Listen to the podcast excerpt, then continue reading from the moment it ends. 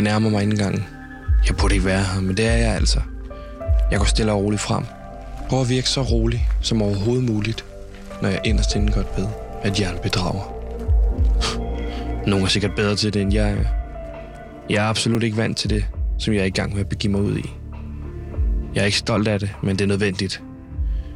Jeg er kun to skridt fra indgangen og tager mit ID-kort frem. Et ID-kort, som jeg udmærket godt ved ikke er ægte. Men det gør personen forhåbentlig ikke, som skal tjekke det. Det er følelsen af lige ved næsten. Hele tiden være ved at blive opdaget. Det er faktisk den, som er mest opslidende. Inden jeg sprang ud i det, så troede jeg, det hårdeste ville være at give en anden person. Men sådan er det ikke. Det er det faktum, at man hele tiden er et forkert svar fra at blive afsløret. Sådan er det at være undercover.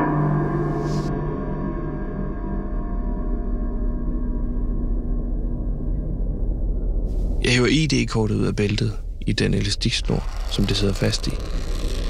Jeg viser det til kvinden, som tjekker alt personalets ID. Hun stopper et øjeblik. Nu sker det. Jeg afslører. Der løber en sveddråbe ned for tændingen over min kend.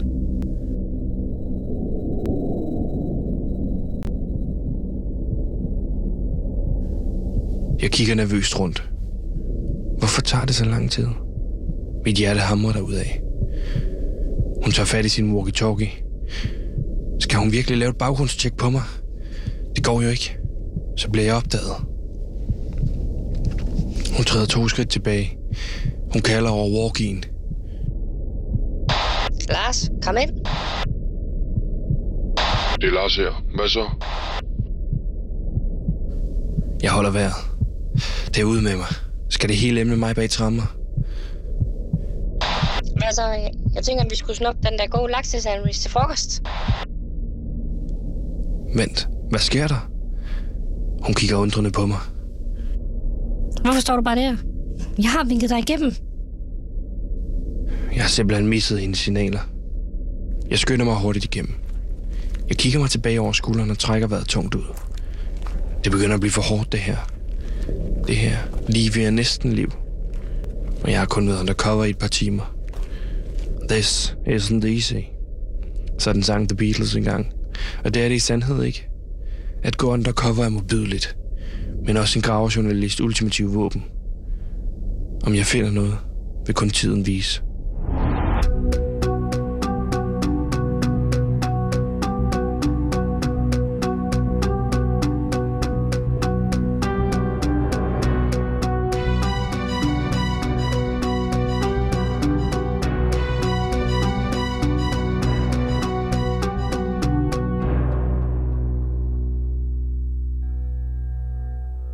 Velkommen til Radio Lavs Gravegruppes nyeste podcastserie, Mink-skandalen. Mit navn er Sebastian, og jeg er journalist her på Radio Loud. Sammen med min producer Simon og researcher Gantemir er vi kommet på sporet af Mink-skandalen. For midt i alt det her kaos er der noget, der tyder på, at Mink-skandalen graver noget dybere, end de fleste de gik og troede. Lige nu lytter du til tredje afsnit. Et afsnit, som vi har valgt at kalde Kina står bag det hele rigtig god fornøjelse.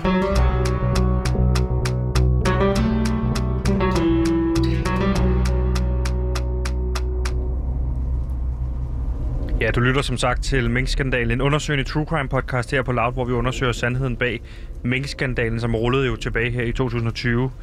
Og Gantemir, du er jo researcher, og først og fremmest velkommen også til, øh, til podcasten. Jo, tak. Mange tak øh, til den her øh, graverjournalistiske podcast, som øh, det jo er. Øh, hvor du som sagt øh, sagde, at vi graver ned i minkskandalen for at finde ud af den rigtige sandhed, der er. Lige præcis. Og i dag der skal vi tale om Kinas involvering i hele den her minkskandale, fordi lige nu kan man sige, at alle pile peger en vej, og det er på Kina. Og derfor så er det, vi dykker ned i Kina. Men det er sådan, at vi i dagens podcast øh, afsnit har skilt os op, gået to veje, fordi mm. at øh, vi har set vi har set os nødsaget til at gå, t- hvad kan man sige, dyrke de to forskellige ting, som vi kan. Du har dykket i arkiverne, og yeah. jeg har gået en, en helt anden vej, kan man sige. Og yeah. det har vi set nødsaget til, fordi det her det er en kamp mod uret, hvis vi skal nå at få sandheden frem. Hvis vi skal nå at afdække alle hjørner, så bliver vi nødt til nogle gange at dele os op. Jeg har siddet på ja, et øh, bibliotek og gravet i arkiverne, øh, hørt noget klassisk musik for mm. at finde frem til det, Kinas geopolitiske rolle i øh, vaccinationer og minkskandal. Og du har været på feltarbejde. Ja, og det kommer vi til lige om lidt. Men inden vi gør det, så synes jeg måske lige, vi skal dykke ned i at sige, hvad ved vi indtil videre? Hvor står vi i virkeligheden henne?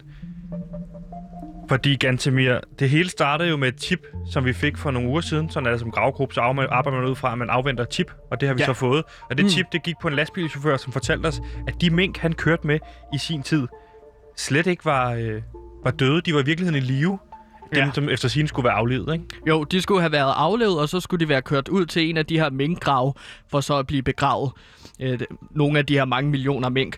Øh, vi har så taget ud til en af minkgravene for at grave øh, ned for at se, om der var de døde mink. De var der ikke. Vi gravede i Botrup Sø ved Holstebro i Jylland. Lige præcis. Og så er mm. spørgsmålet selvfølgelig, hvor er minkene så? Hvor er de og det er det, vi er kommet på sporet af. På vej hjem fra Jylland, øh, da vi havde gravet derover, der blev vi efterfulgt af en sort bil med kinesiske nummerplader. Og du vågner så op dagen efter til en besked, et brev i din postkasse, hvor der står, det er et inside job. Ja, pas på. Pas på, det er et, Det er et inside, inside job. job. Ja. Hvordan et inside job, det kan vi jo ikke sige, og det ved vi sådan set ikke noget om. Er det et inside job i Danmark, øh, her på Radio Loud?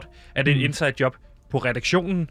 Det håber jeg da Gud ikke, fordi de, de mennesker, jeg stoler på som de eneste lige nu, det er dig, og det er Simon, vores producer. Ja, vi, vi er sådan en trio. Øh, de eneste mennesker, som vi kan stole på. Vi kan ikke engang stole på nogle af vores andre kollegaer ude på Radio Loud.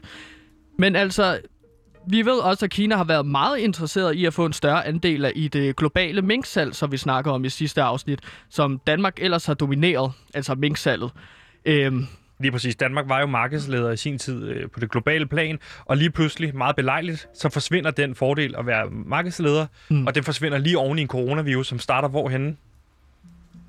I Wuhan, Kina. Ja, i Kina, lige præcis. Så øh, jeg synes, vi skal dykke ned i Kinas rolle i minkskandalen i dag, fordi alle peger, i dag, alle pile peger i dag ikke mod Rom, de peger mod Kina.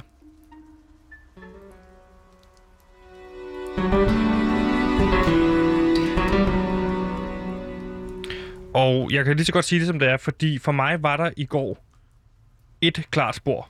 Og det er vi jo sådan set enige om. På der, der, der står vi fuldstændig fast ens. Mm.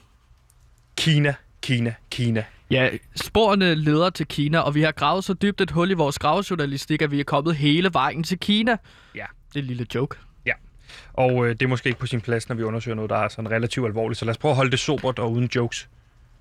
Klart, vi er gravejournalister. Det Jeg er rigtigt. sikker på, at Simon han klipper den her ud i, i podcasten. Han plejer at være Som god har til lige gravet til Kina. Nu stopper du. Jeg med kan bare del, ikke lade være. Nej, Jo. fordi at øh, der var et klart spor, og det førte os jo ligesom til Kina. Og så er det, jeg gik i gang med at sidde og tænke over, hmm, hvornår har Kina tidligere forsøgt at række ud til Danmark? Og så slog det mig. Pandagen. Fordi det begyndte jo tilbage i 2017 i Danmark at bygge denne her, øh, det her pandabur, designet af Bjarke Engelsk i 2017, som sagt. Hmm. Og øh, i april 2019, der stod det så klar til offentligheden, det her pandabur, som man har bygget som forestillende et yin-yang-symbol. Det her meget kine- kendte kinesiske symbol, som handler om det gode og det onde. Så det er sammen, to buer med to forskellige pandaer. Hvor mange pandaer er det, Danmark har? Det kommer vi til. Der er to pandaer derinde. Øh, en han og en hundpanda, og øh, de, har så, de er så skilt ad, så der ikke kommer nogen øh, kamp imellem dem. Hmm. Men øh, man kan sige, at pandaerne, det er ikke bare en gave, som Danmark de har modtaget. Det, det er også en måde, Kina kan holde Danmark i kort snor på. Fordi det er en stolt tradition i, i Kina at give pandaer til lande, som man anser som værende, dem har vi et godt forhold til. Og det er en tradition, som stammer helt tilbage fra år 658 der, helt tilbage til der kan man, stamme, øh, kan man datere det, fordi der giver øh, Kina en, øh, en panda til den japanske kejser, og det har efterfølgende fået et navn, som hedder pandadiplomatiet. Altså Okay. en måde at bruge pandaer til at styre andre lande, fordi andre lande synes, de er helt vildt søde, pandaerne. Kan man så sige, at øh, pandaerne som gave til andre lande, det er en slags bjørnetjeneste? Som jeg forstår det, så er bjørnetjeneste en tjeneste, du gør. det tror jeg, det, det en er... pandatjeneste, kunne man kalde det måske. Ja, det vil jeg sige igen. Det vil være for drej sandheden. Lad os prøve at holde det, holde det sobert, fordi øh, det er sådan, at i år 2008, der får den, den tidligere kinesiske leder, øh, Hu Jintao, skrevet det ind sådan, at man ikke længere bare får en panda, men i stedet for leaser en panda, fuldstændig ligesom Mm. man leaser en bil. Så du betaler for den her panda, og, og du ejer aldrig den her panda. Så når et land får en panda af Kina, så får de den i virkeligheden ikke. De får i virkeligheden et stykke Kina ind i deres land, hvor Kina ejer den her del af landet. Og får den her panda så en unge, jamen så er det også Kina, der ejer den her unge. Sådan hænger det sammen. Okay, så andre lande, de ligesom avler pandaer til Kina forskellige steder i Jeg verden. ved ikke, om man decideret avler, fordi i Danmark Ah. har man jo skilt handen og hunden ad. Okay. Men det handler i virkeligheden om, at hvis det skulle ske, at de får en unge. Ja, jeg, jeg spørger bare. Jeg stiller bare de rigtige spørgsmål. Du stiller de rigtige spørgsmål, og du får også de svar, du vil have. Det ved jeg. Ja, tak. Ja, fordi at øh, Kina og Danmark, de har været i stridigheder før med hinanden, og det skete især efter øh, to, i 2009, hvor Lars Lykke havde besøg af Tibets, hvad kan man sige, åndelige leder, Dalai Lama, Mm. som var på besøg, og den fik, det besøg fik han jo så hos statslederen hos, øh, hos La, øh, Lars Lykke, hvor man har været mange andre steder. Og øh, det var Kina absolut ikke tilfredse med. Det kunne have fået store konsekvenser for Danmark, så Danmark valgte i stedet for at offentliggøre, at man støtter Kina i den her Tibet-sag. Og man valgte at udtale, at Danmark anerkender Kinas suverænitet over Tibet og modsætter sig følgelig Tibets uafhængighed. Altså man går ind og klart, tager, tager, tager klart side. Det medfører så, at Kina siger, Nå, god dreng. Okay, Så ja. kommer panda-diplomatiet ind, fordi så Ja. siger Kina, værsgo, her er to pandaer. Ja, tak for, at de viser støtte til os. Her Lige får I præcis. to pandaer. Der fik okay. Okay. vi Xing Er og Mao Son, øh, han og, og hundpanda, som så i dag man kan finde inde i Zoologisk Have. Og det er jo en måde, at Danmark bliver holdt i korsnord, fordi pandaerne er i virkeligheden et lille stykke Kina på dansk jord nu, da de jo er ejet af Kina. Se mm. det som Vatikanstaten i virkeligheden, som, som man har inde i landet. Så i virkeligheden er der et lille stykke Kina inde i Zoologisk Have. Så pandaerne er også et symbol på øh, Danmarks hengivenhed. Undertrykkelse af Kina. Undertrykkelse Lige fra præcis, det er Kina. dine ord, som mm. jeg siger her. Og øh, der tænker jeg med det samme. Jeg må komme i kontakt med nogen, som har været helt tæt på pandaerne hele det her forløb, og dermed også er i tæt kontakt med Kina.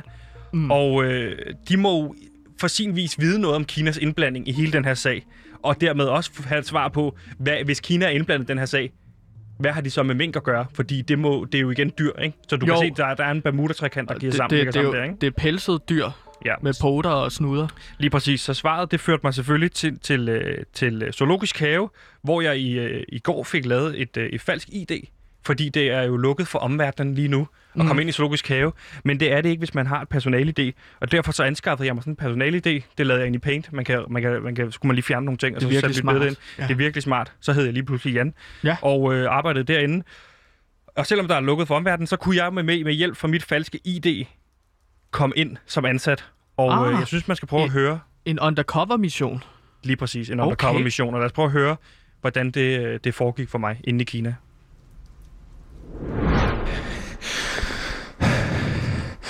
Jeg nærmer nu, mig nu personale engang. Og jeg har fået lavet det her fake ID, som skal vise, at jeg arbejder her. Jeg er lige nødt til at pakke lydstyret væk, så man ikke kan se det.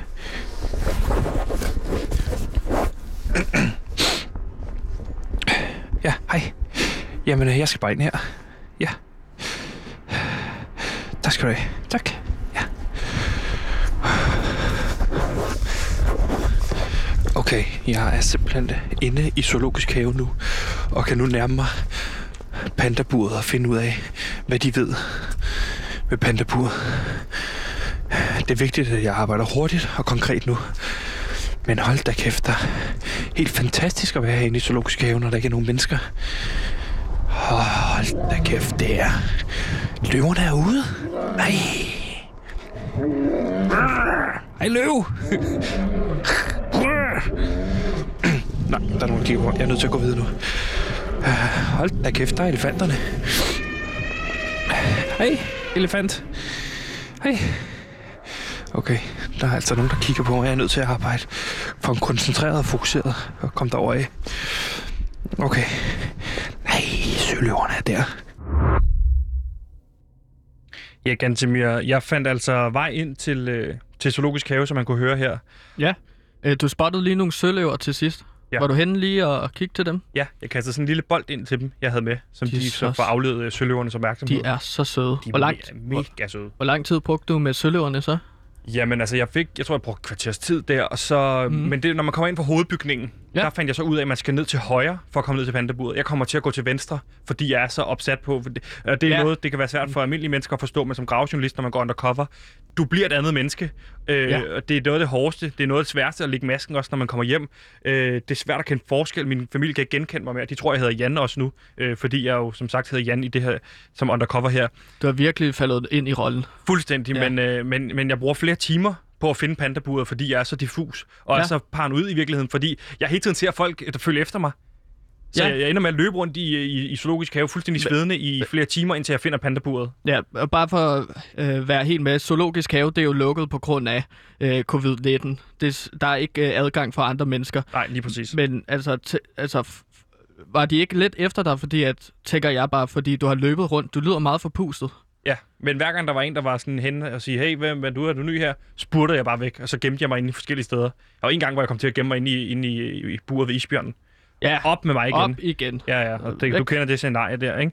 Jo, men, jo. Øh, men nu vil jeg bare sige, de svar, jeg fandt frem til, Jeg har alle sammen været der. ja, lige præcis, ja. de svar, jeg fandt frem til her, ved hjælp af min tid som undercover, øh, mine lange, mange, mange timer inde i Zoologisk Have som undercover, de var gruopvækkende, og det skal du prøve at høre her. Jamen, jeg befinder mig lige nu inde i Zoologisk Have, og jeg nærmer mig pandaburet. Og øh, det ligger lige herover. Der står en, en mand og arbejder herover. Prøv lige at komme over og få fat i ham og se, hvad jeg kan få ud af ham. Hej så. Hej. Hej. Hvad så? Jeg hedder øh, Jan. Hej Jan. Øh, jeg er første dag her som øh, Ja. i Zoologisk Have. Øh, dyrpasser. Og øh, jeg bare hører, du, er du ansvarlig for pandaburet, eller hvad? Skal du være her? Nej, jeg skal ikke være her ved pandaburet, men jeg vil bare lige høre... Øh, okay, så du står for alt ved her ved pandaburet, eller hvad? Jeg tager Du ved alt om pandaerne. Rengøring og fodring. Øh, jeg, passer ikke, jeg passer ikke dyrene som Nej. sådan. Okay, og hvad hedder du? Jeg hedder Johan. Okay, spændende. Nu siger jeg det bare som det er til dig, Johan. Ja. Jeg ved godt, hvad der er sket med minkene. Jeg ved godt, at minkene er stadig er i live. Vi har ikke mink. Jeg tror, ikke jeg, tror ikke, vi har Nej, nej, ikke mink, nej, ikke mink i zoologisk have. Jeg siger, jeg ved, hvad du mener. Johan, Wuhan. Det er vel et signal for... Det er øh, islandsk. Nej, ko- Ja. covid, covid-19 blev lavet i, i Wuhan. Jeg kommer øh, kommer på sporet af minkene. Minkene, som Hvad? laver cluster 5 som et angreb på Kina. Jeg vil bare vide, hvad du ved. ved. Du har ikke øh, uniform på. Nej. Skal vi, så? Skal, ved du hvad, hvis du ikke arbejder her, skal vi prøve lige at komme med mig en gang, så skal vi lige få den uniform til Ej, dig. Johan ved tydeligvis ting, som jeg kan følge. Slip mig. Kom lige her. Hey. Jeg er nødt til at løbe nu.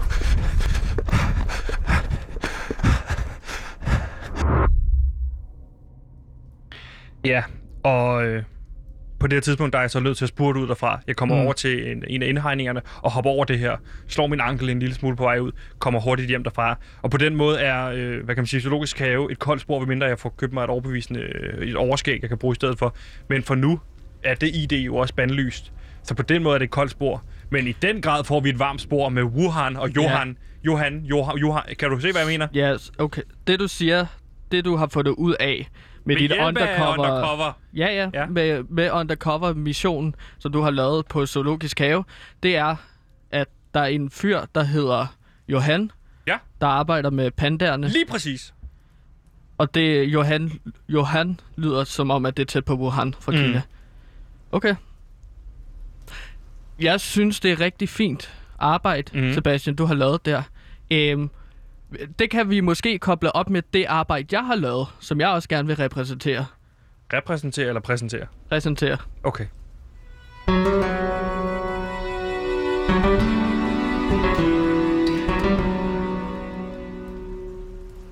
Yes.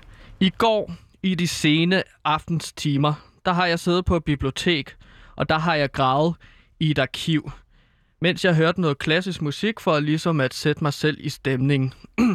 og de ting, jeg fandt ud af, Ja. det er Hvad fandt du ud svar af? på, hvad Kinas geopolitiske rolle er i denne danske minkskandal. Hvad var det for et bibliotek, du kom ind på? Er det, bibliotekerne er vel lukket nu, ikke? Men jeg, jeg kender mennesker, som arbejder på diverse biblioteker, og jeg tog ind til det kongelige bibliotek, og så satte jeg mig ned i kælderen. Og Det begyndte at kongelige arbejde. bibliotek? Ja. Okay. Og så satte jeg mig i kælderen. Ja. Der var ikke helt vildt god netforbindelse der. Nej. Så jeg gik op igen med computeren. Okay. Mm. Og hvad fandt Så- du ud af? Jamen, det jeg fandt ud af, det er, altså... Først og fremmest, vi fik etableret i sidste afsnit, at Kina har motivet til at ville slå den danske musik- minkindustri ihjel. Fuldstændig. Vi ved ikke om musikindustrien. Nej, men minkindustrien er 100% sikker. Minkindustrien er vi helt sikre på. Blandt andet fordi, at så vil Kina kunne øge produktionen af minkpelse. Ja. Den Som de jo gjorde lige op til, at Ja. alle minkene i Danmark forsvinder. Mm, belejligt. Belejligt. Ja. Så øger de produktionen helt vildt. Mm. som om det hele er timet, ikke? Så lad os kigge helt ind og så kigge på, hvad er den centrale grund til, at de danske myndigheder vil aflive, aflive alle de danske mink. Ja. Det var jo covid-19-varianten Cluster 5. Ja. Grunden til, at man gerne ville slå alle mink ihjel, og hvorfor Cluster 5 var farlig, det var, at Statens Serum Institut advarede, at Cluster 5-varianten kunne reducere effekten af covid-19-vacciner, ja. der var eller er under udvikling af Moderna eller Pfizer Moderna hedder det. Moderna. Øh, altså de her vestlige vaccineproducenters vacciner. Ja. Øhm, hvem producerer ellers vacciner? Hvilket land, Sebastian? Det kan jeg svare på. Kina producerer blandt andet. Mm, så der er lidt et kampløb mellem Vesten og Kina her. De producerer den der Sinovac. Den Sinovac. billige. Sinovac, eller hvordan man udtaler det. Ja, Sino. den er, den er nemlig ret billig. Lige præcis. Det er Øh. Wish-udgaven af, af vaccinen i virkeligheden, fordi den er billig, og den er der i massevis. Jeg har ikke undersøgt, om man kan bestille Kina. en vaccine fra Wish. Det var øh, heller ikke det, jeg sagde. Det var heller ikke det, jeg sagde. Okay, modtaget. Men under alle omstændigheder, så er det skræmmende jo også, at man ikke ved, hvordan minkene er blevet smittet og har fået den her cluster 5. Nej. Det kunne være fra en minkavler. Det kunne være fra Ja. en rev. Det spekulerer man også i. kunne det også være, lad os lege med ideen, Ja. fra en øh, kinesisk diplomat. Okay, så det du siger til mig, det er spændende. Det er, at en kinesisk diplomat, mm. og det er noget, du har fundet ud af på det kongelige bibliotek, skulle have gået rundt og hostet på alle minkene. Altså, at han skulle bære en speciel form for øh, coronavirus, Ja. kloster 5, som vil, vil, øh, vil øh, smitte alle øh, mink, men ikke ham selv. Og så vil han tage til Danmark, og så vil han hoste på dem her, og så vil han efterfølgende finde sin bil i en sort bil med diplomatblad på, og så køre efter os. At det er en mand, der står bag det hele. Ah, jeg stiller bare spørgsmålene, men Sebastian, jeg kan lide, hvor du er henne, fordi at, lad os vende tilbage til vaccinerne, fordi at Kina har en kæmpe økonomisk interesse i at sprede en virus, fordi at de opfinder vacciner. Fuldstændig. Og det er det samme der, hvor at, øh, coronavirusen jo i virkeligheden kommer på et belejligt. For i starten, der er man jo sådan, åh, Wuhan, øh, Kina, hvor er det øh, latterligt, at de har spredt den her virus. Mm. Lige efter, bum, så bliver de lige pludselig den gode samaritaner med alle de her... Øh, øh, hvad hedder det, coronavirus-vacciner, som lige pludselig alle de fattige lande kan få, fordi i EU ser vi, hvordan vi bare prøver at rave til os af Pfizer og Moderna og alle de her AstraZeneca, alle de her vacciner, hvor de rige lande bare er mig, mig, mig, mere, mere, mere vaccine, modsat mm. Kina, der står og siger, at vi har en masse billige vacciner til alle de her lande som Pakistan, Ungarn Ja, og sådan noget, så ja, lige pludselig så ja, ser de virkelig ja. gode ud. Mm. Ja, øh, for eksempel fandt jeg ud af i går aftes, at øh, øh, Kina har doneret en hel masse, en halv million vacciner til Pakistans militær. Så kommer de til at fremstå som samaritanere, Sebastian. Ligesom du siger der. Det var Så- noget, jeg fandt ud af også, det Okay. du sagde. Okay. Ja, øh, Så du siger til mig, at- at hele det her coronavirus, covid-19, i virkeligheden måske er... Okay, nu siger jeg det, men så må du, så må du jo... Vi kommer til at ligne nogle idioter, hvis det ikke er rigtigt. Det men at kunne den er være. fremstillet i et laboratorium i Kina, for at de kan se, øh, hvad kan man sige, internationalt på global plan, diplomatiske rigtig gode ud. det kunne være. Jeg stiller bare spørgsmålene. Og du får svar. Ja. Altså, Hold det, nu kæft. det der også er med vaccinerne, de kinesiske vacciner, er, at man faktisk ikke helt ved, hvad effektivitetsretten er, fordi at Kina er vage omkring deres testresultater. Ja. Men vi ved, at den vestlige, den er på 95 procent. Ja. Den kinesiske varierer meget. Ja. Så Sebastian, Ved man, at den varierer meget? Jamen for eksempel er den, øh, fordi at landene selv skal teste deres øh, vac- øh, vaccine-effektivitetsretter, som de får fra Kina. Ja. Der ved vi, at i Tyrkiet er den på 91,5 procent effek- effektiv, Kinas okay. vaccine. I Brasilien har det vist sig at være 50,4 procent effektiv, den kinesiske vaccine. Okay. Kina vil ikke selv afsløre deres data. Så jeg stiller dig bare spørgsmålet. Det kunne være, Sebastian. Jeg Ja. stiller spørgsmålet. Hvis man ikke kan lave den mest effektive vaccine, som er den vestlige, kunne man for eksempel, bare for eksempel sprede en virusvariant hos ens mink-konkurrenter. En virusvariant, som den vestlige verden ikke er forberedt på, Sebastian. Ja. Det er jo muligt. Det er i den grad muligt. Så altså, nu har vi fået etableret, Sebastian, Ved hjælp af mit undercover-arbejde. og min øh, research ja. på bibliotek. Der er en diplomatisk interesse i og med, at Kina får en masse øh, venner i udlandet, billige vaccine, donationer. En Så- masse af det, man kalder soft power, som vi også så med pandaerne, for eksempel, som jeg havde researchet mig frem til, som er en stor del af vores øh, afsløring lige nu. Ja. Faktisk en af de største ja. del af det. Mm. At de ved hjælp af de her pandaer jo tidligere har vist, Ja. hvordan de kan udøve den her bløde magt. Ja, som jeg også fandt frem til, der bløde magt her med donationer og vaccinedonationer. Men der er også en økonomisk interesse. Mest panda, ikke? Jo, men der er også altså, donationer, som er ret Nu vigtige. er det ikke en konkurrence. Lad os lige holde nej, fokus nej, det. det er rigtigt, men jeg vil bare sige, at øh, Kina står diplomatisk meget stærkere end før covid-19, og derfor er, har altså, vi etablerede, at Kina har en masse motiver, grunde og forklaringer til at opfinde covid-19 for at få ramt på det danske musikindu- øh, mus- minkindustri. Økonomisk kan de få en masse ud af det, og blandt andet også øge deres bløde magt. Ja, det jeg prøver at sige her, Sebastian, eller det jeg stiller spørgsmålstegn ved, Sebastian, det er, Ja. om den geopolitiske krigsførsel med virus og vacciner blev startet på en minkfarm i Jørgen. I Sindal? Det er et godt spørgsmål. I virkeligheden foregår der lige nu en kæmpe stor geopolitisk kamp, en verdenskamp, global kamp, og den foregår i Dan- Danmark og i Nordjylland. Mm. Det er, jo, det er jo skræmmende, de ting, vi har fået ud af, fordi at øh, lige pludselig er vi på sporet af en stor politisk skandale, der rækker ud over Danmarks grænser. Det er altså en geopolitisk koldkrigsførsel, som startede på en lille minkfarm i Jørgen. Ja, og Gantemir, hvad gør vi herfra? Du sagde tidligere, at du har modtaget et øh, telefonopkald i går aftes, og det synes jeg, vi skal prøve at snakke om nu.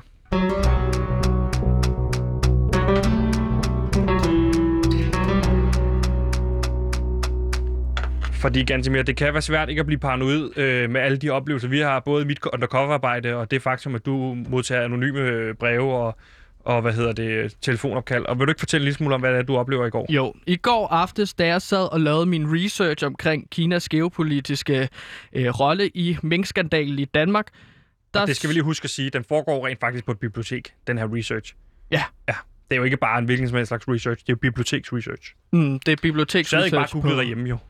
Eller Nej, YouTube. jeg, jeg sad på biblioteket og googlede. Lige præcis. Ja. Øhm, men der, mens jeg sad og lavede min research, så føler jeg, lige, at der konstant er den samme mand, der går frem og tilbage lige ude foran Hvad? biblioteket. Ude foran biblioteket. Ja. Og er på han, vej hjem... Er han kineser? Det er ikke fordi, du ved, det er bare fordi, vi undersøger Kina, jeg spørger om det. Er Okay. han kineser? Øh, nej, det så jeg ikke. Okay, er han, Det var, var han lav? Du ved, hvordan kineser er lave. Han var højere end mig, Okay. så han var høj. Kører den bare ikke så god til at køre bil? Kunne du fornemme det? Nej, han var på cykel. Okay, Øhm, godt. men det, jeg prøver at sige, Sebastian, det er, at jeg følte mig lidt paranoid. Det Fordi kan jeg at, godt forstå. da jeg så kommer ud og på vej hjem fra biblioteket, så er jeg 100% sikker på, at han konstant er bare lige et lyskryds bag mig. Så... Okay, så han holder en vis afstand til dig, men han konstant følger din adfærd. Ja. Det er jo, Og det du er jo, sikker på, at det ikke bare var en, der kø- cyklede i København, som også skulle den vej? Det- Fordi det har jeg oplevet selv. Altså, det er kun fordi, nu taler jeg af egen erfaring. Jeg har cyklet hjem flere gange, hvor jeg er inde med at st- stille mig cyklen og råbe, hvad er det, du vil mig? Og så skulle folk skulle bare i superbrusen og sådan noget også. Har det været i forbindelse med minkskandal her? Fordi at jeg, Primært, ja. primært, okay. Ja. Men jeg, jeg, jeg føler jo, det er svært, når man er lidt paranoid, når man laver sådan noget true crime her. Er du klar over, hvor dum man ser ud, når man står i superbrusen og råber, hvad vil du mig? Hvad vil du mig? Hvad skal du nu? Sådan noget. Lad mig nu være! Sådan noget. agtigt.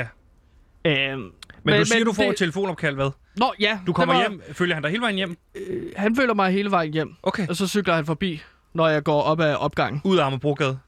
Ja, Så han kører efter nummer 8, der hvor du bor. ja, okay. præcis. Øhm, men under alle omstændigheder, jeg får jo et telefonopkald, mens jeg sidder på biblioteket. Det er også det, der gør det lidt nøjeren, Sebastian. Det, jeg fik et opkald, og det var en anonym person, der ringede til mig i går. Han gav os måske et tip, Sebastian. Okay.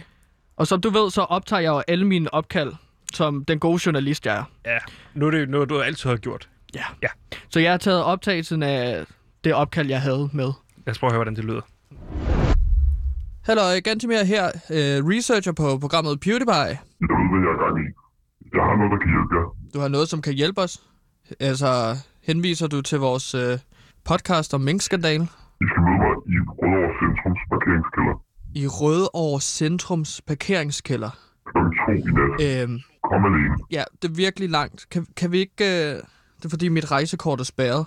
Kan vi ikke aftale, at vi mødes inde i byen? Rødovre Centrum kl. 2. Rødovre Centrum. Parkeringskælderen. Kom alene, og lad være med at fortælle det her til nogen. Okay, men hvem, hvem er du? Kan jeg høre? Ja, okay. Jeg ved ikke, hvem det er, Sebastian. Jeg Har du ved ikke. Var det hemmeligt nummer, der ringede, eller var det et telefonnummer? Det var et hemmeligt nummer, Ja, der okay. ringede. Så, så, er det, jeg, så kan man ikke gøre meget der. Nej. Men jeg Hvad skal, tror du, han vil? vil Altså, der er to scenarier her. Ja, Enten så vil han hjælpe os, Ah. når han skal mødes med dig senere, altså et tip. Han vil give os det næste spor. eller også så er det en fælde. Det kan sagtens være en fælde, det her. Så står du lige pludselig i en parkeringskælder uden telefonforbindelse, og så bliver du kidnappet selv. Mm. Det er Øh. bedst, hvis, hvis vi gør det her, og nu siger jeg det bare, fordi nu er jeg ærlig.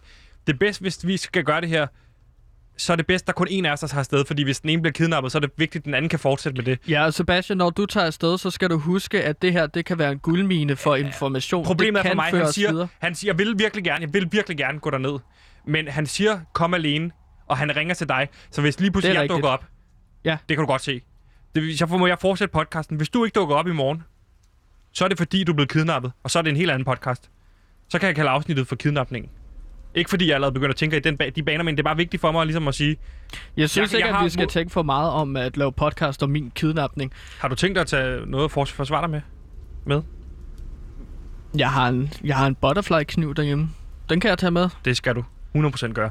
Så tager jeg den med, så kan jeg gemme den i mit ærmel. Ja. Og tage det frem, når det bliver farligt. Men så jeg, så jeg, hvor er det, du, du skal mødes med ham? Hvorhen? i Rødovre parkeringskælder Klokken to i nat. klokken to i nat. Okay. Så der skal jeg ud, og så kan det være, at vi finder en guldmine af informationer, som leder os videre til det næste skridt. Eller du bliver kidnappet og måske dræbt. Ja, måske. Det er en af de to ting i hvert fald. Øh, jeg skal bare høre dig, Sebastian, om... Som man kunne høre der, mit, mit rejsekort er blevet spærret. Kan jeg låne dit? Det, og det, det, det får vi lige kigget på i forhold til, til det rejsekort der.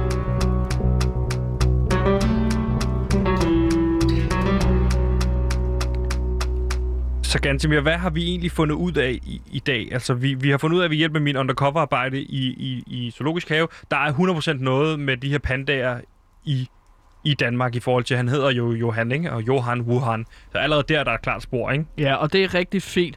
Men derudover har vi også fået etableret, at Kina har en økonomisk interesse og klart motiv for at udslette minkindustrien. Ja, og de har, de har ligesom Danmark har solgt sin sjæl for at få fat i de her to pandaer.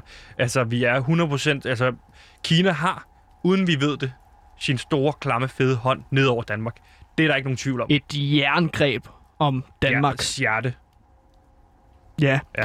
Derudover så har vi også fået etableret, at Kina har brugt, altså det er belejligt, hvis de har opfundet covid-19-virusen. så har Det må, de, det må de meget gerne vise sig have gjort, for ellers så ligner vi nogle idioter her. Ja, så har Kina ligesom cem- cementeret sin bløde magt ved produktion af øh, Kina-vaccine, og de har blandt andet brugt øh, de danske mink til at sprede en virusvariant, der hedder Cluster 5.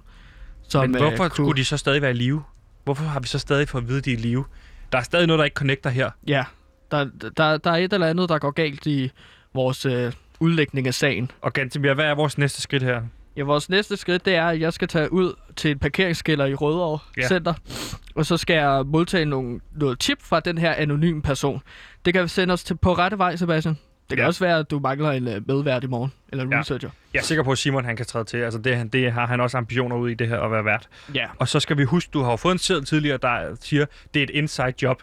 Det må også være et, et, et, et, et lead, vi må kunne følge på en eller anden måde. Mm. Altså, hvad er det, der er sket internt i Danmark, som gør, at de her mink måske stadig er live, som gavner Kina? Ja. Altså, det, det, der er nogle, nogle brækker her, men jeg kan ikke sætte dem sammen. Nej. Det er ligesom, når man skulle lave puslespil som barn. Ja, vi Det vel ma- bare ikke, man skulle sidde og slå på den fucking hele tiden, mand, for at få det til at fungere. Mm. Ja, jeg, jeg kommer øh, sådan kan man jo også samle puslespil, vel, ligesom bare møre brikkerne sammen, for at se, at det, se om det giver et billede, ikke? Lige præcis. Jeg vil bare Det er jo det, vi gøre, prøver at gøre her, ikke? ja, jeg vil også bare gøre opmærksom på, apropos det brev, som jeg fik, at det er et inside job. Der er nogen, der har lækket mit telefonnummer, Sebastian. Ja. Der er nogen, der har delt mit telefonnummer, fordi jeg har aldrig sagt det højt i radioen. Du har sagt dit CPR-nummer. Ja, men det må man også gerne Okay, dele, tænker jeg. helt sikkert. Øhm, så de eneste personer, jeg stoler på, det er dig og producer Simon. Alle de andre herude på Radio Loud. Ah, ah. Er der ingen her, der har dit telefonnummer, ud over Simon og jeg? Nå nej, det jeg siger er, at mit telefonnummer står... Altså, for, folk har ude på redaktionen ved Okay. godt mit telefonnummer. Men så det må være nogle af dem, der måske har delt mit telefonnummer ud til den her anonyme person, jeg skal møde. Gantemir? Ja, Der er en i blandt os. Der er Så nogen det, vi har indenfra. fundet ud af, at vi hverken kan af- eller bekræfte Kinas involvering i hele den her minkskandale. Og det er virkelig noget, som, øh, som rykker i vores podcast her. Og så har vi jo også fået den her anonyme henvendelse fra en anonym person, som vil møde os i en parkeringskælder i Rødovre.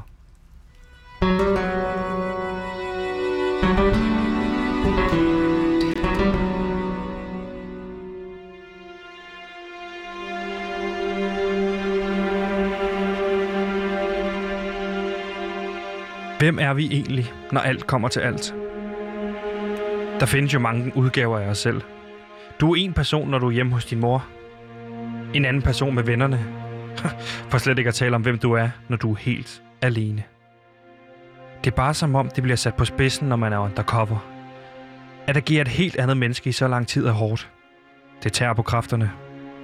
Men det er den ekstra mil, som Gantimir og jeg er nødt til at gå, så du, lytteren, kan høre sandheden. Så vi kan dele sandheden med dig. For det er jo for fanden derfor, vi gør det. Det er derfor, vi nu sidder tilbage med spørgsmålene. Hvad er det for en mand, som vil møde sin parkeringskælder? Hvad ved han om den kinesiske indblanding i minkskandalen? Og vil han hjælpe os? Eller dræbe os? Det er det, som vi skal undersøge i næste afsnit. Et afsnit, hvor vi er nødt til at nærme os et svar, hvis vi skal finde en ende på det her og ikke ligne nogle kæmpe idioter. For at stå og beskylde Kina for at have udviklet covid-19 kan hurtigt lyde meget paranoidt og konspiratorisk. Du har lyttet til tredje afsnit af Minkskandalen. Et afsnit, som Radio Louds gravergruppe har lavet. Denne gravergruppe består af researcher Gantemir, producer Simon og mig. Mit navn, det er Sebastian. Det tredje afsnit, Kina står bag det hele, er nu færdigt. Men husk, hvis du kan lide, hvad du hørte, så hjælp os med at sprede ordet. Sandheden, den skal frem.